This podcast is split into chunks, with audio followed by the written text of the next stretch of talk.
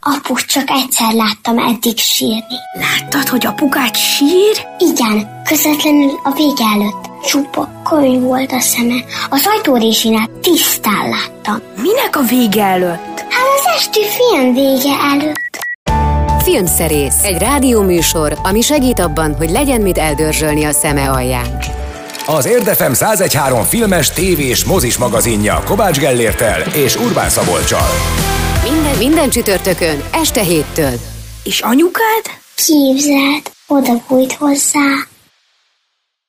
Hello mindenkinek, ez itt valóban a filmszerész, Kovács Gellért a túloldalon, én pedig Szabi itt a stúdióban. Hello Gellért! Szevasz Szabi, üdvözlöm a kedves hallgatókat! Nem készültem semmi valamivel, egy a műsor elején tudnánk uh, erőlködni. Neked van valamid?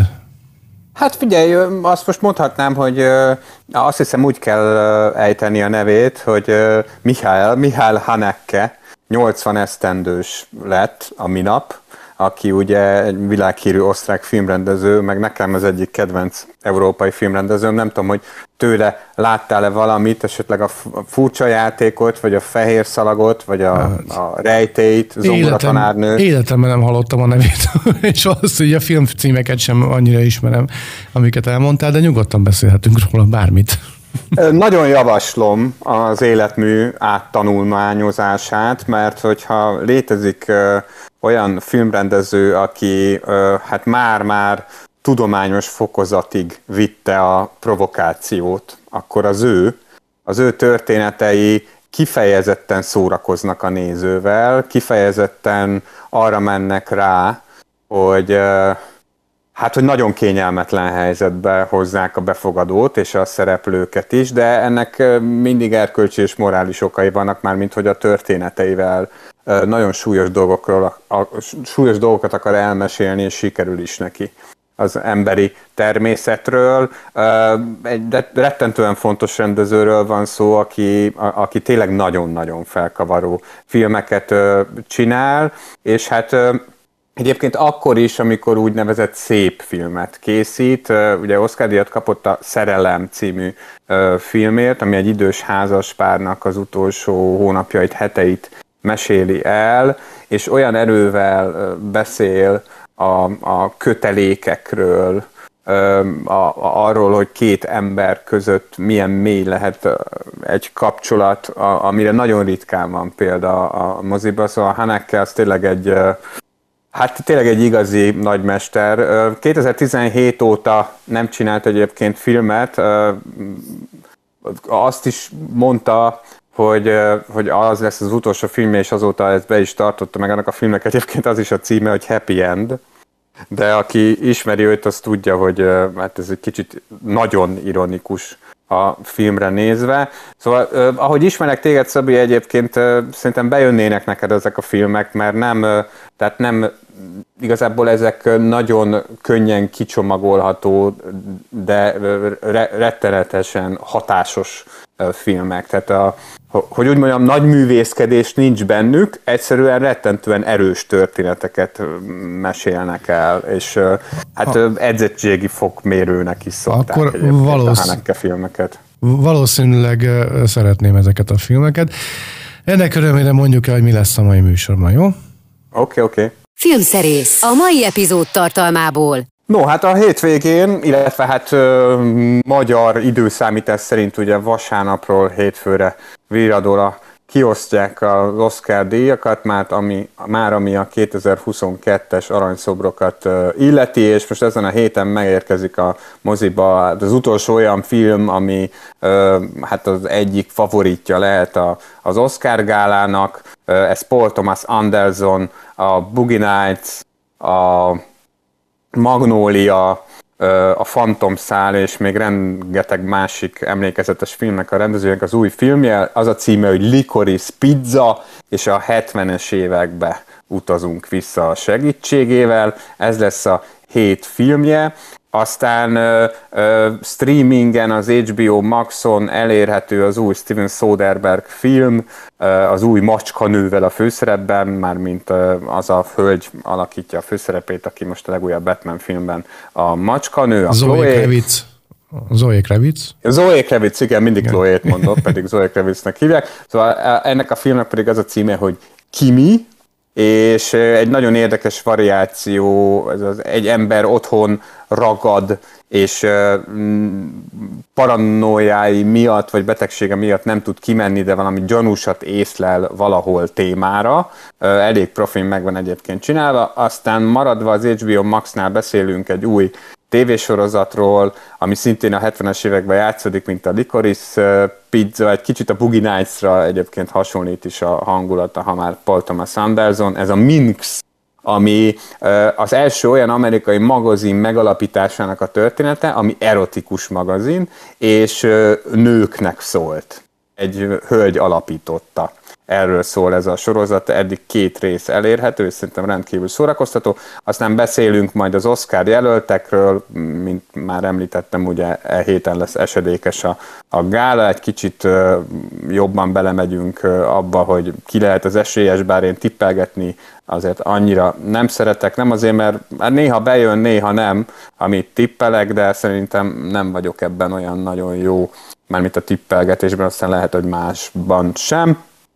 És hát elkezdtünk néhány hete egy sorozatot, amit pont most fejezünk be, amikor is a, az idei Oscar jelölt filmzenékből hallgatunk adásonként egyet-egyet, már mint abból tételeket, és most elérkeztünk az Encanto című Disney rajzfilmnek a zenéjéhez, amiből egy dalt is jelöltek Oszkára, meg az egész filmzenét is, de mi a dalokat fogjuk majd most uh, hallgatni. Ez egy Kolumbiában játszódó uh, animációs film. Uh, én most a napokban pótoltam, mert moziban nekem kimaradt. Uh, uh, nagyon kedves, nagyon aranyos, és ilyen nagyon Disney-s dalok vannak benne, úgyhogy jöjjön is az első ezek közül, az a címe, hogy The Family Madrigal.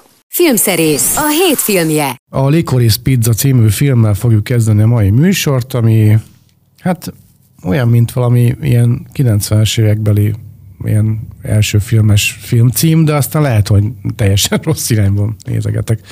Hát igen, több, több irányban is rossz irányban nézegetsz, mert egyrészt a 70-es években játszódik. Nem, de úgy egy, készítését tekintve 90-es évek, akkor Mystic Pizza, vagy mi volt annak a címe, Anna, az, az ugrik. Ja, hát csak a, csak a cím miatt. Igen, persze, de persze.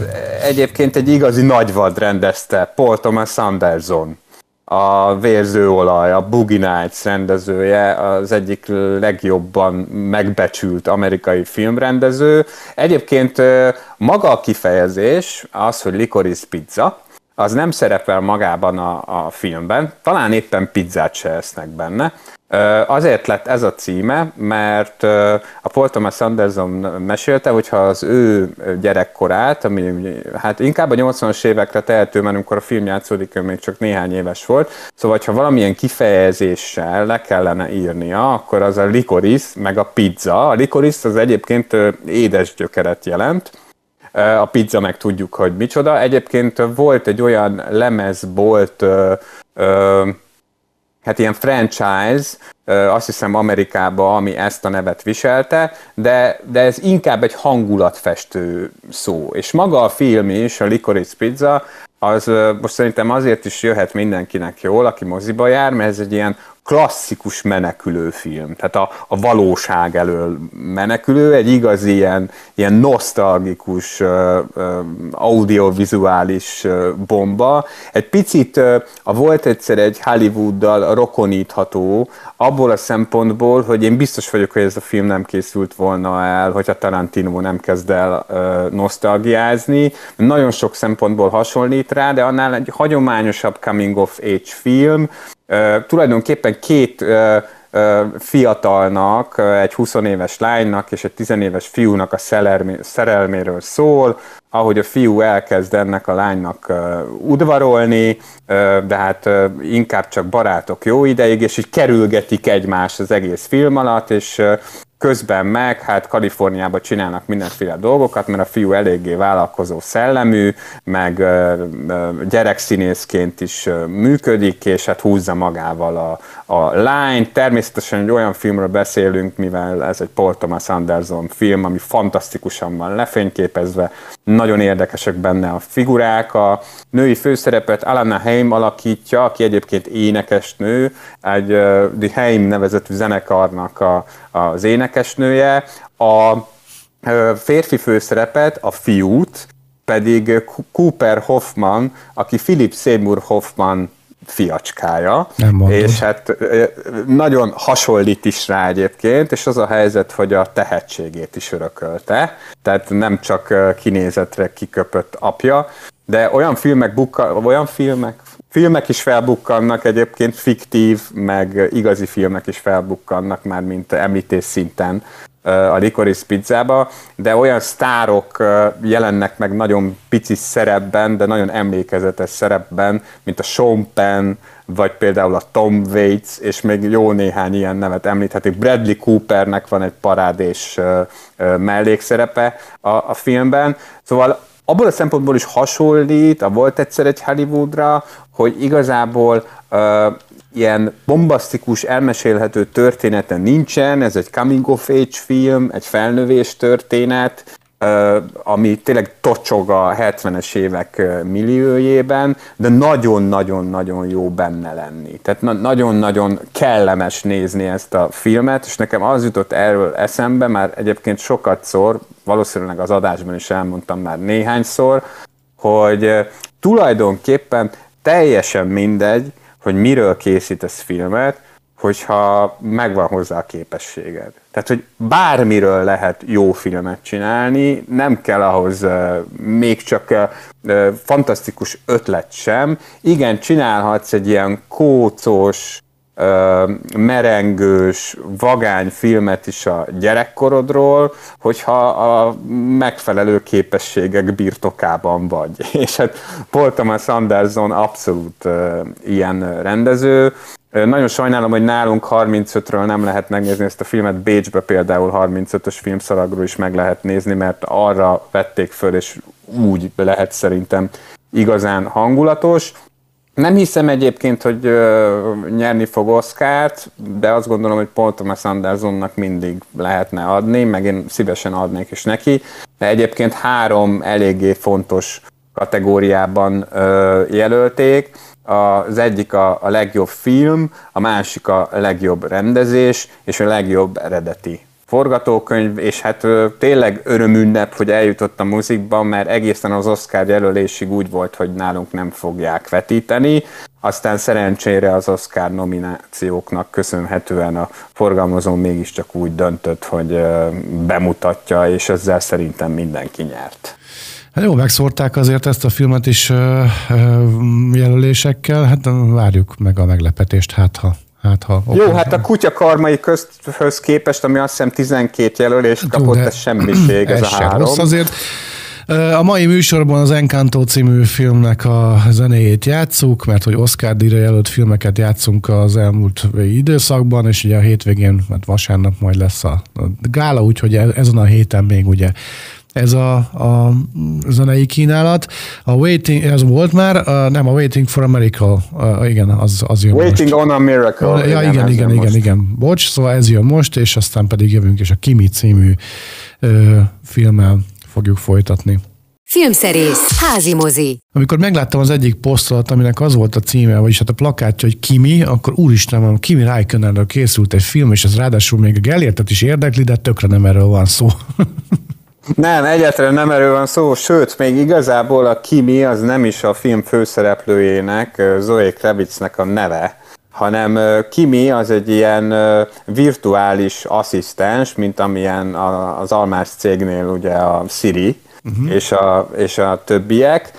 Ez egy kitalált cégnek a virtuális asszisztense, és ez a lány, a főszereplő, akit Zoe Kravitz alakít Steven Soderbergh filmjében, és egyébként az HBO Maxon látható ez a thriller, mert tulajdonképpen az. Szóval ő azzal foglalkozik, hogy, hogy azokat a streameket javítja, amelyeket ez a rendszer rögzít, tehát hogyha mondjuk valaki ad, ad egy parancsot, vagy kér valamit ettől az asszisztenstől, a Kimitől, és a Kimi ezt nem értette, akkor, akkor ő azt kijavítja, tehát visszahallgatja ezeket az audio felvételeket, és pontosítja a, a Kimi programjában, és hát egy ilyen munkavégzés közben talál egy gyanús audiofájlt, amit így neki áll szűrni, meg mindent, amit az ilyen emberek szoktak, akik értenek ehhez, és letisztítja a felvételt, és hát nagyon úgy tűnik neki, hogy egy bűncselekményt, vagy annak egy részét rögzítette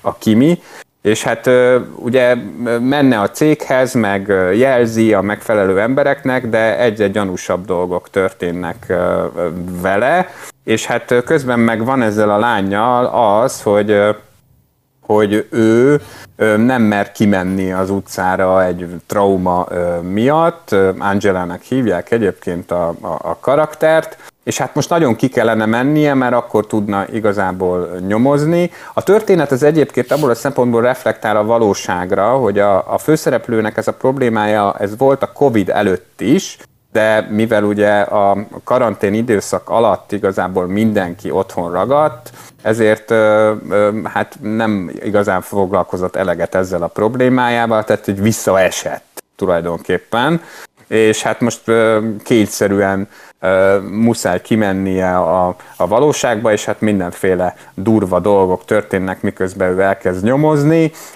Ugye Steven Soderbergh jó néhány évvel ezelőtt bejelentette, hogy ő már nem csinált a filmet, aztán mégiscsak csinált filmeket, és jó ideje igazából a streaming felületekre készíti a filmjeit. Ezek nagy része, ha nem sem érdemes darabok, de nem olyan rettentően erős filmek. Viszont a Kimi a szórakozásnak egészen első osztályú, azt kell, hogy mondjam. Persze az összes olyan ö, film eszünkbe juthat, aminek az alaphelyzete egy picit hasonló, akár csak a nagyítás, vagy a hátsó ablak, vagy azok a filmek, amik a nagyításból és a hátsó ablakból merítettek ihletet, de egyrésztről azért nagyon érződik rajta, hogy ezt egy olyan rendező csinálta, aki nem csak kérkedni szeret azzal, mert a Soderbergh nagyon szeret azzal kérkedni, hogy mindenféle műfajban megállja a helyét, hanem valóban képes is erre, és nem csak a már említett filmeket idézi meg a Kimiben, hanem például egy szereplő miatt is, akit most így nem árulok el, hogy kicsoda, a reszkessetek betörőket is, tehát hogy van benne egy csomó ilyen érdekes referencia. Azt, azt, azt nem mondom, hogy hogy olyan rettentően nagyon-nagyon fontos film lenne még, még a streaming fókuszból nézve sem a Kimi, de hogyha valaki szörfölget az HBO Maxon este, este is szeretne valamilyen szórakoztató filmet nézni, amivel tényleg el lehet tölteni szűk másfél órát úgy, hogy még talán egy óra múlva is emlékezni fog arra, hogy mit látott, akkor annak szerintem közel tökéletes. Az Encanto című filmnek a zenéjéből játszunk a mai műsorban, mert hogy Oscar jelölt filmzenéket pörgetünk az elmúlt hetekben, és hát most utoljára az Oscar gála előtt. A Surface Pressure következik, aztán pedig a minx jövünk vissza. Filmszerész, tévésorozat. A Minx azt gondolom nem egy kínai vázáról szól, vagy egy kínai dinasztiáról. Nem, ez egy magazin, egy újságnak a, a, a neve, méghozzá a, a lap történet, vagy nem tudom, az újságírás történetének, bár nyilván sokan vitatkoznak azzal, hogy pornó magazint vagy erotikus magazint kiadni mennyire számít újságírásnak. Szóval a lapkiadás történetének első nőknek szóló erotikus magazinjának a megalapításáról szól a Minx, ami nem dokumentum sorozat, hanem játékfilm sorozat, és ez is az HBO Maxon látható, ez nagyon-nagyon friss, két rész került föl eddig belőle, és hát már voltunk ugye ebbe az adásban a 70-es években, szinte évre pontosan ugyanakkor játszódik egyébként a Minx, mint a Licorice Pizza, és hát, hogyha azt kellene mondanom, hogy elsősorban mit láthatunk ebben a sorozatban nagyon sokat, akkor azt kell mondanom, hogy férfi nemi szervet, rengeteget, nagyon-nagyon sokat. A, aki ettől megijed, az talán ne álljon neki a sorozat megtekintésének, de akit annyira nem zavar, és szereti az ilyen szatirikus hangvételt, egy picit azt, amit mondjuk pont a Paul Thomas Anderson is használt a Boogie Nights-ban, annak abszolút ajánlom, mert látszik, hogy rengeteg pénzt költöttek rá, mert nyilván, hogyha a 70-es években játszódik egy sorozat, akkor elvárjuk, hogy a barkók, meg a trapéznadrágok, meg a tárgyi környezet is nagyon rendben legyen, és hát ez persze nagyon-nagyon rendben van. Meg ami még nagyon-nagyon rendben van ebben a sorozatban, és hát igazából ő viszi el, a, tulajdonképpen ő emel még egy szintet ezen a sorozaton, az a főszereplő, a színészt Ophelia Lavibonnak hívják. Játszott már néhány dologba, de szerintem nyugodtan mondhatjuk rá, hogy ismeretlen hölgyről van szó, na majd ez a sorozat szerintem megcsinálja a karrierét. Ő alakítja Joyce-ot, aki egy ilyen eléggé ö, ö, hát nem, nem kifejezetten vagáncsaj, ö, de már évek óta szeretne megalapítani egy, egy feminista újságot. Tehát ő egyáltalán nem erotikus magazinban gondolkodik. És akkor van egy ilyen rendezvény, ahol különböző magazin ötletekkel lehet a kiadóknál házalni, vagy hát oda mész, és akkor ők meghallgatják ez egy ilyen expo-szerű valami, meghallgatják, hogy milyen magazint szeretnél kiadni, és ott találkozik a Jake Johnson által alakított Daggal, aki hát nem kifejezetten olyan magazinokat ad ki Amerika szerte, mint amit Joyce szeretne, konkrétan pornólapokat, de ők ott kerülgetik egymást, és olyan különböző fordulatok okán Doug végül kiadja a Joyce-nak a, a magazinját, megjelenik a Minx, és hát ennek a magazinnak a befutásáról szól tulajdonképpen ez a sorozat, és mondom, a, a, én azt bírom benne nagyon, vagy azt bírom mostanában, jó néhány tévésorozatban, nem csak ebben, hanem például az Eufóriában is, meg még néhányban, meg az Adam McKay kosárlabdás sorozatában is, hogy úgy érzem, hogy ledőlt egy fal, amiről már régen beszélünk, de, de most ö, esztétikailag mégiscsak most látom ezt a dolgot beérni, hogy például amikor a, a Minx-et néztem, akkor is arra gondoltam, hogy ennek olyan látványvilága van, vagy úgy néz ki maga a sorozat, úgy van lefényképezve, hogy, hogy ez simán megállná a helyét moziban is. Mert azért persze már nagyon régen nagyon menő dolog sorozatokat nézni, de azért a legtöbb tévés sorozat az úgy van megcsinálva, hogy úgy kalkulálnak a filmkészítők is, vagy mintha úgy kalkulálnának, hogy azt úgyis otthon nézed egy képernyőn, még akkor is, hogyha egy nagyon nagy képernyőn nézed, de a, a, a Minx az például egy olyan sorozat, hogy ez szerintem a legnagyobb vásznon is marha jól néznek ki, és hát közben meg nagyon vicces is, meg nagyon-nagyon szórakoztató, és nem is kell vele olyan rettenetesen sok időt tölteni, mert egy rész az olyan szűk fél órás. Megyünk tovább zenével, az Encanto című filmben játszunk Oscarra, Oscarra jelölt uh, uh, zenei uh, kínálatunkban. Ennél hivatalosan nem lehettem volna, azt hiszem. We don't talk about Bruno, ez a dal címe. Vagy hát dal, ugye? Jól mondom, ezek mind dalok. Igen, igen, most mi dalokat hallgatunk, egy dalt jelöltek, meg az egész filmzenét, de gondoltam, hogy ez még csak jobb, hogyha dalokat hallgatunk, mert igazából, igazából az, az lehet az érzése az embernek, ha nézi az Encantot, hogy mintha egyfolytában énekelnének benne, szóval a score az azért annyira nem hangsúlyos. Aztán jövünk és beharangozzuk az Oscar gálát is. Itt a Filmszerész. Az Érdefem 1013 filmes, tévés, mozis magazinja. Kérjük, pontosan állítsa be a készülékén az élességet. Kicsit úgy vagyok az Oscar gálákkal, mint a Forma 1 hogy, hogy az utóbbi időben így, így lejöttem róla. Úgyhogy azt mondom, hogy te fogsz most beszélni, és megpróbálok rácsatlakozni különböző említéseidre. Hát én nem tudok róla lejönni, hogy ezt minden évbe bevallom, szóval ez nekem mindig nagy esemény, még akkor is, hogy tényleg a tavalyi, ez a covidos Oscar gála volt minden idők legrosszabb Oscar gálája szerintem. Ott tényleg azt éreztem, hogy ha nem lesz vége, akkor fölvágom az ereimet, de nem vágtam föl, meg vége is lehet. Hát most elvileg hagyományos Oscar gála lesz.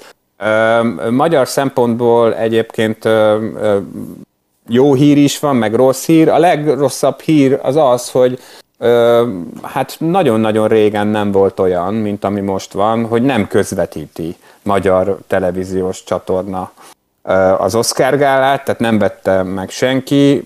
Hát legalábbis szerintem, ha bárki megvette volna, akkor azt már tudnánk, mivel néhány nap múlva lesz a gála. Annyit tudok így közszolgálatilag segíteni, hogy azt megnéztem, hogy az ORF 1 csatorna az adja, és a Pro 7 is adja. Ezek általában nem is használnak német hangbemondást, meg fordítást, semmit, tehát simán csak angolul nyomják a, a gálát. E, ezek a csatornák, ezek némely szolgáltatónál elérhetőek, némelyeknél nem, a többieknek meg marad az ilyen streaming vadászat az interneten. Ami nagyon jó hír magyar szempontból, hogy van egy, egy nagyon hangsúlyos magyar jelöltünk is, ugye Sipos Zsuzsanna, aki a production design csapatban dolgozott a Dűnében, és hát neki is kreditje van, tehát név szerint jelölték, tehát hogyha nyer a csapat, akkor neki is lesz egy Oscar díja, és hát ebben még van egy rossz hír, hogy most erről nem tudni, hogy most betartják-e, de már évek óta ígérgetik, hogy bizonyos kategóriákat nem élő adásban adnak át, hanem a reklámszünetben, magyarán azt nem láthatjuk, és sajnos egyébként a Zsuzsannának a kategóriája is ilyen hogyha betartják a szervezők ezt az ígéretüket, akkor sajnos nem láthatjuk, ahogy megkapja az oszkárt, majd csak utólag mindenféle felvételen vagy, vagy fotón. Hát a véleményem egyébként erről az, hogy, hogy nem, nem ez a jó irány, hogyha izgalmasabbá akarják tenni, mert az, hogy azt üzenni bizonyos embereknek, hogy a ti munkátok nem annyira fontos, mint a többié, és így eldugunk titeket a reklámszünetbe, azért az szerintem kínos. Hát szerintem is. Sőt, Tehát, meg, megalázó, méltatlan. Mondom. Abszolút méltatlan. Figyelj, nem ezen a négy-öt díjon múlik az, hogy egy gála élvezetes és szórakoztató vagy nem.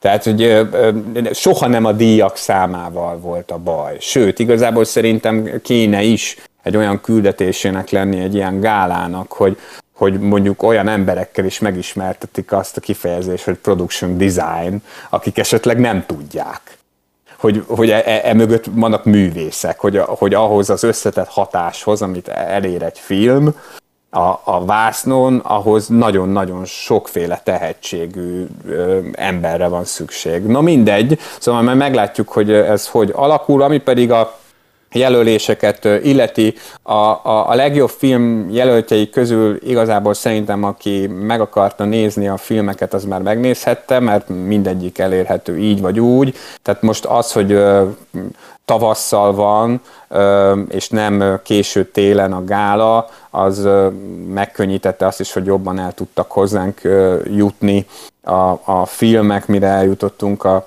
a, a, a gáláig. Tuti befutója nincs szerintem ennek a, a, a gálának, tehát ha nagyon tippelnem kéne, akkor én azt mondom, hogy a legjobb film a Ne néz fel. Lesz, de lehet, hogy nem. Még az is lehet egyébként, hogy a japán film, a vezes helyettem, amit jelölnek a legjobb film és a legjobb nemzetközi film Oscar díjára is. A, a, a színészeknél talán egy picit jobban meg lehet tippelni. Meglepődnék, hogyha nem a Benedict Cumberbatch nyerne most a kutyakarmai köztért, ő tűnik a legerőteljesebb befutónak, de még az is lehet, hogy a, a, a King Richardért nyer Will Smith, a, a, a nőknél pedig a, a, a főszerepben hát a legtöbben Olivia Colmanre tippelnek, én nagyon szívesen odaadnám neki, de igazából én úgy vagyok, úgy, úgy általában mindig, hogyha nincs valami nagyon kiemelt kedvencem, hogy, hogy olyan, olyan nagyon nem szoktam kiakadni az Oscar jelöléseken, mert szerintem ezek azért általában mindig ilyen vállalható jelölések. Persze nagyon örülnék, ha nyerne egy díjat a világ legrosszabb embere, ami nagy kedvencem, és két jelölést kapott a legjobb nemzetközi film és a legjobb eredeti forgatókönyv kategóriájában van ott, de hát ha nem nyer, akkor nem nyer, csak ne legyen olyan pusztítóan unalmas a gála, mint amilyen tavaly volt. Reménykedjünk. Az Encanto című film dalait játsszuk a mai műsorban, mert hogy Oscar jelölt, a What Else Can I Do című felvétel következik, utána pedig Gellért elmondja, hogy körülbelül mire számíthatunk a jövő héten, szerintem Oscar gála biztos lesz. Igen, igen, valószínűleg. Itt a Filmszerész. Az Érdefem 1013 filmes, tévés, mozis magazinja. Kérjük, pontosan állítsa be a készülékén az élességet. Hamarosan véget ér a műsor, úgyhogy most nem kell annyira sietni. Úgyhogy, Na. úgyhogy mondhatod, hogy mi lesz a jövő héten, aztán majd hát elbeszélgetünk még egy rövidet valamiről. Hát az lesz a jövő héten, amire te is utaltál, vagy hát nyilván az egy kiemelt beszélgetés lesz majd, hogy ha már végigülöm ismét az Oscar gálát, akkor elmondom a tapasztalataimat, meg hát ha történik valami izgalmas is közben, meg hát ha jó is lesz az Oscar gála, ki tudja. Ami a premiereket illeti, jön egy képregényfilm, jé, már Na hát, megint, de jó. képregényfilm. Micsoda meglepetés, a Morbius nevezetű, amit a Sony gyártott, és egyébként egy Marvel hősről van szó, egy vámpírról van szó, akit ö, Gerard Leto alakít. Ez is már egy olyan film, amit nagyon-nagyon régen tologatnak, tehát nagyon sokszor be akarták már mutatni, de most ö, 31-én ez meg fog történni, minden bizonyal nem fogják lefújni a a bemutatóját. Ö, aztán beszélhetünk majd még arról, hogy egy Kurosawa klasszikus is visszakerül a mozikba, egy 1985-ös film, a Ram, a Káosz. Tök jó egyébként, hogy jönnek ezek a digitálisan felújított klasszikusok. Most éppen ugye a Mephistót lehet megnézni, mert hogy éppen Mostanában volt ugye 40 esztendeje, hogy Oszkárt kapott Szabó István klasszikusa. Egyébként meg tegnap, hogyha csütörtökön hallgatnak bennünket, akkor tegnap ünnepelte volna a születésnapját Akira Kurosawa. Egyébként csak mondom, mint, mint Na. kis információ morzsát mondom. Igen, egyébként kerek lett volna? Hát, nagyon jó kérdés, bekérdeztél, én szoktam ilyeneket csinálni, de megnézem neked, hogy... Néha én is csinálhatok. Igen, abszolút, abszolút, abszolút, Nem, 1910-ben született. de gyors vagy. Úgyhogy gyorsan. Igen, Most igen. mondhattam volna azt, hogy eszembe jutott, de természetesen nem erről van Nagyon szó. gyorsan, nagyon gyorsan rákerestél, igen. Nagyon gyorsan rákerestem. Szóval, hogy nem tudom, hogy a szülinapjához kapcsolódik-e, de igazából ezekkel a filmekkel az van, hogy szerintem tök mindegy, hogy mikor hozzák vissza. A Mulholland Drive-ot is ugye a David Lynch filmet is úgy hozták vissza, hogy tavaly volt 20 éves, csak akkor hát ugye mindenféle gondok voltak, meg lehet, hogy valamire forgalmazónak nem volt éppen jó de ö, szerintem nem kell feltétlenül ö, egy kerek évfordulóhoz kapcsolódnia egy ilyen újra bemutatónak, mert én nem hiszem egyébként, hogyha valaki mondjuk ö, egyébként nem szeretné megnézni a Kuroszavától a káoszt, akkor csak azért megnézné, mert hogy annak kerek évfordulója van. A, aki meg megnézni, az megnézi így is. Így van. Gondolom Így én. van. Úgyhogy hát ezek lesznek nagyjából a jövő héten. Most pedig az lesz, hogy elbúcsúzunk, mert hogy véget ért már a filmszerész, keressék a podcastjainkat, jövő héten újra találkozunk, köszönjük a figyelmet, Gellért még elmondja, hogy mi lesz az utolsó zene. Az utolsó zene ismét egy dal lesz az Encanto című Disney rajzfilmből, mert hogy ennek jelölték a, hát az egyik betétdalát, meg a szkorját is, és ennek a dalnak a nagy fináléban találtak helyet, illetve hát oda is írták szerintem, meg oda is szánták. Az a címe, hogy Colombia Mi Encanto. Úgyhogy ezzel zárjuk mai adásunkat, és remélhetőleg jövő héten tényleg újra találkozunk, de hát eddig is szoktunk mindig találkozni, reméljük, hogy pont nem a jövő hét lesz a kivétel. Addig is vigyázzanak magukra, minden jót! Ez volt a Filmszerész, az Érdefem 1013 filmes, tévés, mozis magazinja.